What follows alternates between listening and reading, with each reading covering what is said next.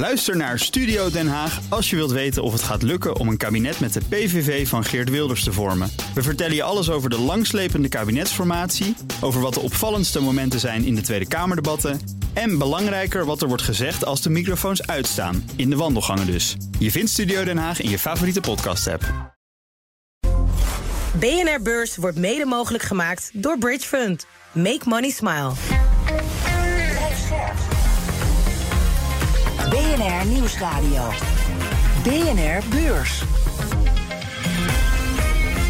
Wesley Weert. Welkom, fijn dat je er weer bent. En ik val maar gelijk met de deur in huis. Want wil je een vraag stellen over aandelen of over de beste tactiek, dan kan dat. Stuur hem naar bnrbeurs.bnr.nl. En wie weet leggen we morgen voor aan onze gast tijdens onze speciale vrijdageditie. Je hebt dus nog één dag de tijd. Want het is donderdag 29 juni. De dag dat de AX 0,2% hoger sloot. Iets boven de 768 punten. Grootste stijger is DSM Firmenich.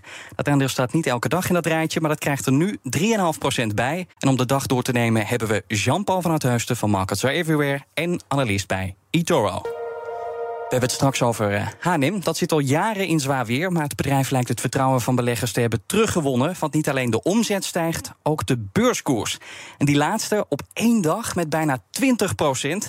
Ja, dat is niet misselijk. Maar eerst uh, ander nieuws dat opviel. Wat zag jij vandaag, Jean-Paul? Ik vond het meest opvallende, wat eigenlijk misschien wel aan zat te komen, maar dat Audi krijgt een uh, nieuwe CEO. Uh, die Oliver Bloemen, die natuurlijk de CEO is van de hele Volkswagen groep, die had al eerder gezegd van ah, ik ben niet tevreden, gaat allemaal te langzaam daar bij Audi. Ja. Met name met de elektrische auto's.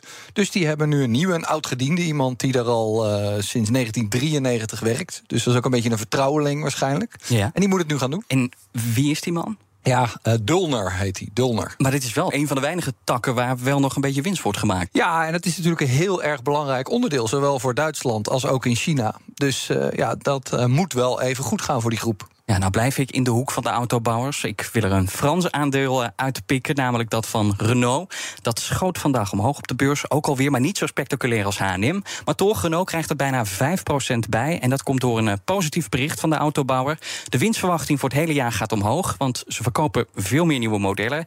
En ze snijden in de kosten, waardoor ze, waardoor ze dus ook meer winst maken. Maar er was meer nieuws rondom uh, Renault. En wel over het uh, onderdeel dat elektrische auto's maakt, Ampère. Renault wil dat onderdeel afsplitsen naar de beurs brengen. En die beursgang die stond eigenlijk gepland voor eind dit jaar. Maar dat wordt uitgesteld naar de eerste helft van volgend jaar. En dat heeft te maken met uh, moeilijkere marktomstandigheden. Maar ik las ook bij Bloomberg dat de lancering van een nieuw elektrisch model vertraging heeft opgelopen. Dus ja, dat kan ook een reden zijn om die beursgang nog net wat verder naar achter te schuiven. Maar Jean-Paul, zou jij ze willen hebben, die aandelen van Ampère? Ik heb dat nog niet helemaal uitgesplitst uh, gezien. Renault doet het uh, relatief eigenlijk best wel goed met die elektrische auto's. Het is toch niet het eerste merk waar je aan zou denken, maar ze nee. doen het eigenlijk echt best wel goed. Uh, maar ja, dat, dat heeft echt ik, wat nader onderzoek nodig. Nou, dan heb je nog even de tijd tot midden volgend jaar waarschijnlijk. En dan blijf ik even in Frankrijk, want er is ook een aandeel dat een flinke opdoffer krijgt. Maar echt een flinke. En dan heb ik het uh, over de Franse supermarktketen Casino. Dat beleeft zelfs een slechtste beursdag in vele tientallen jaren. De koers daalde zelfs even met bijna 40 procent. En dat moet een aanleiding hebben. En die aanleiding. Die is er ook, want het bedrijf gaat uh, gebukt onder een enorme schuldenlast, moet daarom reorganiseren. En nu waarschuwt Casino dat aandeelhouders hoe dan ook hard getroffen worden. Ja, ja, ze moeten ook is, extra geld ophalen, 900 miljoen, dan uh, verwatert je aandeel. Maar het is een behoorlijke puinhoop daar. Daar moet wel wat gebeuren, ja. Hoe kijk je daarna? Nou, niet. ik volg dat aandeel niet. Nee, je kunt niet alles volgen, maar... Uh, nee. In dit geval, als je geen aandelen hebt, is het ook verstandiger om er waarschijnlijk niet naar te kijken. Uh, en de vlag kan uit bij de ECB, of nou ja, een beetje. Want in Spanje is iets gebeurd waar de centrale bankiers heel blij van worden. En waarvan ze hopen dat het in de rest van Europa ook gaat gebeuren. De Spaanse inflatie is onder de 2%. En je weet, om en daarbij de 2% is de doelstelling. En dat is het niveau dat de ECB graag wil. En in juni stegen de Spaanse prijzen met 1,9%. En ja, dat is iets wat we momenteel nergens in Europa zien. Maar Jean-Paul, wanneer gaan we dat cijfer ook bij ons weer zien? Je praat dan dus over uh, de, de totale inflatie. Ze ja. hebben daar een, uh, een plafond op de energieprijzen. En dat houdt in Spanje die prijzen laag. In, je kijkt soms ook wel eens naar de kerninflatie. Die is in Spanje wel gewoon ook 5,6. Dus dan haal je de voedsel- en de energieprijzen eruit. Dus, dus het is, is een klein beetje kunstmatig. Nee, en in, ja, wanneer gaan we dat hier zien? Kijk, in Duitsland was de inflatie weer omhoog vandaag. Ja, dus uh, we zijn er uh, zeker nog niet. Ah, is de ECB goed bezig of geef ik ze dan te veel credits als ik dat zeg? Nou ja, het, het voelt op dit moment een beetje aan dat ze de Bank of England achterna gaan. Die ook schrok van uh, hoger. En dat ze dan denken van ja, we, ze doen nu elke keer heel voorzichtig een kwartje. ik denk niet dat ze snel een half procent zullen doen, maar je begint er wel aan te denken. Al de hele week gaat het over beach-aandelen in BNR Beurs. En we zijn aanbeland bij de letter H, de H van hotels. Elke zomervakantie verdienen die hotels grof geld aan jou. Maar kun jij er ook geld aan verdienen door erin te beleggen op de beurs? Je hoort het zo. Kwakkelende winst, hevige concurrentie en stapels onverkochte kleren. H&M heeft het al jaren moeilijk, maar de weg omhoog lijkt ingezet. De kledingketen probeert zich te herpakken, want de kosten moeten omlaag, de marges omhoog en de voorraden die moeten worden teruggedrongen. En beleggers die lijken er langzamerhand ook weer een beetje in te geloven, want het aandeel schoot meer dan 18% omhoog vandaag. H&M kwam met cijfers en onder andere de winst was beter dan verwacht. Maar Jean-Paul, is de weg omhoog ook weer echt ingezet? Want ik zag ondertussen wel dat de winst lager uitkwam dan vorig jaar. Dit is wel een typische geval van één zwaluw maakt nog geen zomer. Mm, precies. H&M uh, profiteert ervan dat uh, mensen toch wat kritischer zijn waar ze geld aan uitgeven. Zij zitten wat in het goedkopere segment. Ja, en blijkbaar krijgen ze nu die voorraden toch iets beter aan de man uh, gebracht als koopjes. Ja. En dat helpt ze enorm. Maar over die overschotten gesproken, want ze hebben dus al jaren daar last van. Ze hebben ook moeite om die stapels onverkochte kleren om dat terug te brengen. Waarom is dat zo moeilijk voor H&M? Ja, dat is bizar eigenlijk. Kijk, ze hebben die voorraad echt al liggen sinds 2016 of zo. En uh, toen, ja, en, en het werd maar elke keer meer. Maar je loopt niet met oude kleding rond als je bij H&M koopt? Nee, dat niet, want ze, kregen, ze, ze, kregen dat niet, uh, niet verkocht. Maar ja, um, destijds zeiden ze van... ja, maar we, we, we hebben en winkels en we doen online online. Dus we hebben te veel uh, ingekocht. Uh, critici die zeggen, ja, ze hebben het gewoon niet verkocht gekregen. Dat heeft ook wel te maken gewoon met meer online winkels uh, die het beter doen. Maar nu een klein uh, lichtpuntje aan de horizon. Maar ja, goed, dat kun je één jaar kun je dat verkeerd inschatten. Het tweede jaar kan misschien ook nog wel. Maar op een gegeven moment heb je toch door... ja, die online concurrentie is zo groot, we kopen gewoon minder in. Dat, dat moet toch wel te voorspellen zijn. Uh, daarom doet het aandeel het ook niet zo goed. Ja, nu dus wel weer. Ook het afgelopen jaar, de afgelopen maanden... doet het aandeel het uh, ook beter. Die kosten, daar willen ze dus ook beter op letten. Nou, dan helpt het al als je niet met hele grote overschotten zit... die je niet verkocht krijgt. Maar wat voor andere ingrepen wil H&M doen... om die kosten onder controle te krijgen? Nou ja, kijk, ze zijn Um, uh, ze hebben behoorlijk veel winkels gesloten. Daar zijn ze misschien te laat mee begonnen. Uh, doen ze dit jaar ook weer. Dan openen ze wel uh, een aantal nieuwe op betere locaties. Maar dat zijn er wel minder dan degene die ze sluiten. Ik geloof dit jaar iets van 200 dicht en 100 erbij. Ja, en op die manier brengen ze de kosten omlaag. En dat is denk ik wel een goed idee. En dan moet de winst omhoog. Volgend jaar een winstmarge van 10%. Gaan ze dat halen? Het zou een knappe prestatie zijn, want dat hebben ze heel lang niet gezien. Maar die CEO die er nu zit, die heeft er wel vertrouwen in. En volgens mij doet hij het ook best goed. Wat is de huidige winstmarge? Ja, het ligt rond de 6, dacht ik. Oh, zes, er nog wel werk aan de winkel. Ja, Zeker ook als je naar concurrenten kijkt, die zitten wat hoger. Maar ja, daar zijn dus de redenen die we net noemden ook allemaal uh, dragen daaraan bij. Kosten voor die winkels en die voorraden. Uh, spullen die tegen uh, discountprijzen weg moeten. Ja, dat helpt je marge niet omhoog. Misschien volgend jaar. Het zou knap zijn als we dat realiseren. Ondertussen is er natuurlijk ook hevige concurrentie. Ook van budgetketens. We hebben een Primark, maar ook het Chinese Shein. Daar wordt steeds meer besteld. Ik hoor ook in mijn eigen omgeving mensen die ja, daar gewoon heel veel kleding kopen. Dat is goedkoop. Maar snoept dat ook al daadwerkelijk marktaandeel af van H&M? Ja, dat zie je wel duidelijk terug. En dat is natuurlijk al langere tijd uh, gaande. Uh, ze hebben eigenlijk de, de concurrentiestrijd, degene die je nog niet noemt, is Inditex. Dus dat is het moederbedrijf van Zara. Ja. Uh, die zijn eigenlijk veel flexibeler dan H&M. Die hebben het de afgelopen jaren echt wel een stukje beter gedaan. Onder andere ook omdat ze de productieketens, waar ik de leveranciers 50% van de leveranciers zit in Spanje. Dus ze hadden daar niet zoveel last van. Ze zijn een stukje flexibeler daar ook. Ze kunnen sneller nieuwe kleding op de markt brengen. Ja, dus ze kunnen sneller met de laatste trends meegaan. Ja, en dat is wel belangrijk op het moment dat consumenten wat kritischer worden. Van wat koop ik nou wel, wat koop ik nou niet. Als je dan precies de goede spullen snel hebt, dan doe je het beter. Die Chinezen van Shein, dat is een geduchte concurrent. Uh, die uh, doen natuurlijk in Azië goede zaken. In Amerika zijn ze inmiddels enorm groot. Die willen zich ook steeds meer op Europa gaan richten. Dus ja, dat kost wel marktaandeel. Je had het net al over die, de productie. Nou is het in het geval van H&M zo dat ze heel veel in Azië laten produceren. Maar ik las wel dat ook daar een verschuiving plaatsvindt... en dat ze een deel van de productie ook weer naar Europa verhuizen. Is dat dan een stap die je ook toejuicht, om de reden die je net noemde? Daar ken ik het niet goed genoeg voor. Ik denk dat, dat H&M zit een beetje... ehm, ja, het, het, het, het, het is gewoon wat minder eh, modieus, zeg maar. Dat is denk ik het allerbelangrijkste. En daar moeten ze een keuze in maken. Ze hebben in het verleden natuurlijk geprobeerd... met, eh, met allerlei beroemdheden om extra lijnen op te zetten. Dat is toch niet echt helemaal van de grond eh, gekomen. Dus ik denk de tijd als het nu de consument allemaal wat kritischer moet zijn... dat is wel een tijd waarin H&M het relatief wellicht beter kan doen. Ja, en verder, hoe denken ze ook hun positie veilig te stellen voor de komende jaren?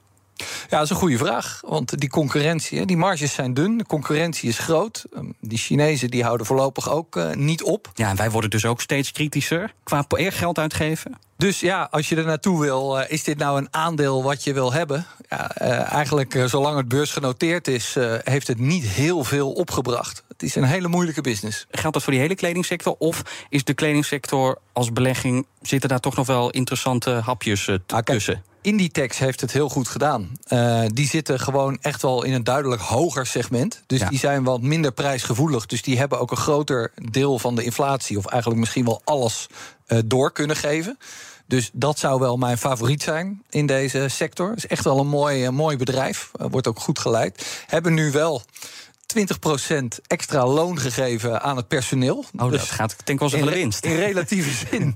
Ja, is dat er dan ook weer niet één dat je zegt, daar staan we dan vooraan? Nee. Ehm, maar die zijn wel wat flexibeler. Maar is dat dan ook een optie voor H&M om meer... eh, Het is nou niet dat je heel veel betaalt bij de Zara voor een eh, t-shirtje of een broek. Eh, Kan H&M ook meer die richting in bewegen? Dat ze iets meer geld vragen voor hun kleding? Ja, ik, denk- ik denk dat het heel moeilijk is, maar ze moeten toch met name een beetje innoveren. BNR Beurs. Wall dan. Ik zie groene borden. De Dow Jones staat 0,8% hoger. De S&P 500 een half procent. En de Nasdaq krijgt er 0,1% bij. En wat eh, opvalt zijn de grote Amerikaanse banken... Goldman Sachs, JP Morgan Chase, Bank of America, Wells Fargo... staan allemaal op winst momenteel. En dat komt eh, onder meer doordat de banken goed uit de jaarlijkse stresstest van de Fed kwamen. Daardoor mogen ze in principe de aandeelhouders belonen... met dividenden en de inkoop van eigen aandelen. Al is de verwachting wel dat de banken dit jaar wat rustiger aan gaan doen. Onder meer vanwege mindere economische omstandigheden. En het is overigens die stresstest van eh, die banken. Dat hoort ook weer in de categorie berichten. Dat je denkt, dat kan toch niet waar zijn. Maar dus al vier jaar lang in die stresstest is een stijging van de rente niet meegenomen. Dus ja, de vraag is wat nu het resultaat zegt. Ze hadden dan wel gekeken naar een grote economische schok. Ja. Maar gewoon een rentestijging. Waar de Fed, zit er niet in? Die- nee, die, al vier jaar niet. Dat hebben ze geloof ik in 2015 voor het laatst gedaan. Eh, nou, laten we er blij mee zijn dat het goed gaat. Ja. Ja, positief, Eh, hè? de verwachting is dat nu de dividenden of misschien hier en daar een aandeleninkoop. eh banken als JP Morgan zullen dat gaan doen. Maar wel denk ik eh, eh, een klein beetje met de voet op de rem. Ja. Om niet heel uitbundig worden. Beleggers reageren ook op eh, nieuwe cijfers over de Amerikaanse economie. En wat blijkt, de economie groeide in het eerste kwartaal veel harder dan eerder werd gedacht. Want volgens de nieuwe cijfers komt de groei uit op 2% terwijl bij een eerdere schatting dat nog eh, 1,3% was. En er kan gereageerd worden op de cijfers van chipbedrijf Micron. En dat gebeurt ook, want het bedrijf kwam met positieve vooruitzichten. En dat ja, terwijl die chips van Micron sinds een tijdje toch niet meer welkom zijn in China. En desondanks komen ze met eh, aardige vooruitzichten. Maar beleggers die zijn niet onder de indruk, want ze zetten het aandeel eh, 3,3% lager. BNR Beurs. Van Wall Street naar een eh, rustigere locatie. We gaan naar onze zomerserie. Al de hele week hebben we het over beach-aandelen. En dat staat voor booking, entertainment, airlines, cruises en hotels. Met andere woorden, aandelen van bedrijven uit de reis- en toerismebranche en de vrije tijdsector. En vandaag pikken we de hotels eruit. Nou, iedereen kent wel het Hilton en Marriott, hè, twee grote beursgenoteerde hotelketens. Maar welke andere namen moeten beleggers eh, ook op een lijstje zetten, Jean-Paul? Het is heel veel Amerikaans. eh, dus je hebt Hyatt natuurlijk nog. Intercontinental. Ja. Dat is altijd een goede graadmeter hoe het met de economie op de verschillende plaatsen gaat. En daarnaast kom je dan bij eh, bedrijven als Las Vegas, Sands. Eh, dat is wat minder bekend. Die vier grote ketens zijn eigenlijk degene die mensen denk ik het meest kennen. En gaat er dan ook eh, een beetje geld in om in die eh, hotelmarkt?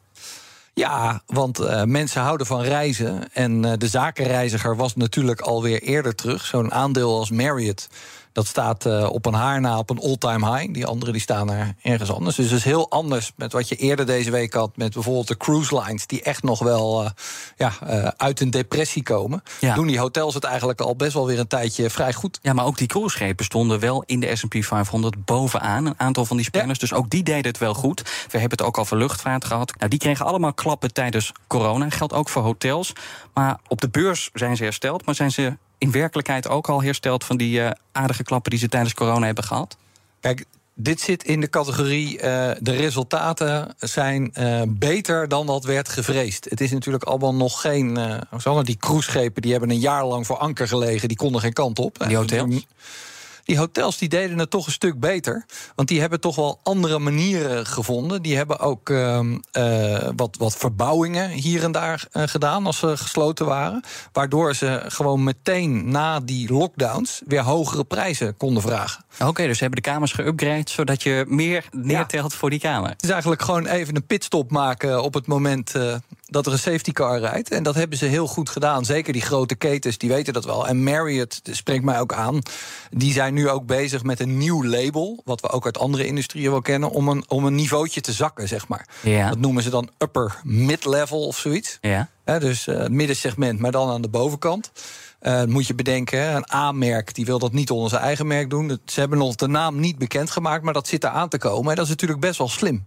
Ja, want dan hebben ze een veel grotere markt waar ze uh, ja, uit kunnen putten. Ja, en dan willen ze ook een beetje gaan concurreren met bijvoorbeeld een Airbnb. Dus dan richten ze zich op mensen die niet één of twee nachtjes komen, maar uh, een week tot vier weken. En dat, ja, dat, uh, dat ondernemende, dat is slim en dat spreekt me aan. Nou ja. Zeker als je dat wereldwijd kan doen, is dat natuurlijk erg aantrekkelijk. Jij zei net al, Airbnb, dat is natuurlijk een platform... daar hebben we het ook over gehad deze week trouwens... maar dat is natuurlijk ook een platform dat de laatste jaren... een flinke opmars heeft doorgemaakt. In hoeverre hebben hotels daar last van? Ja, daar hebben ze wel last van. Uh, maar nu zie je natuurlijk ook dat de, de mensen die een woning uh, verhuren, die denken: ja, die inflatie, ik ga wat meer vragen. En jij in je eentje met zo'n kamer hebt natuurlijk niet het schaalvoordeel wat zo'n hotelketen ook. Dus daar zullen ze best wel goed op gestudeerd hebben. Ja. Dat zal moeten blijken. Ja, ik uh, geef die hotelketens wel een goede kans. Ander verschil nog met Airbnb is dat in ieder geval Airbnb zelf niet allemaal vastgoed moet beheren. Dat is bij hotels. Hè. Die zitten vaak in, in prachtige panden op de beste locaties. Is een belegging in een hotel dan ook een belegging in vastgoed?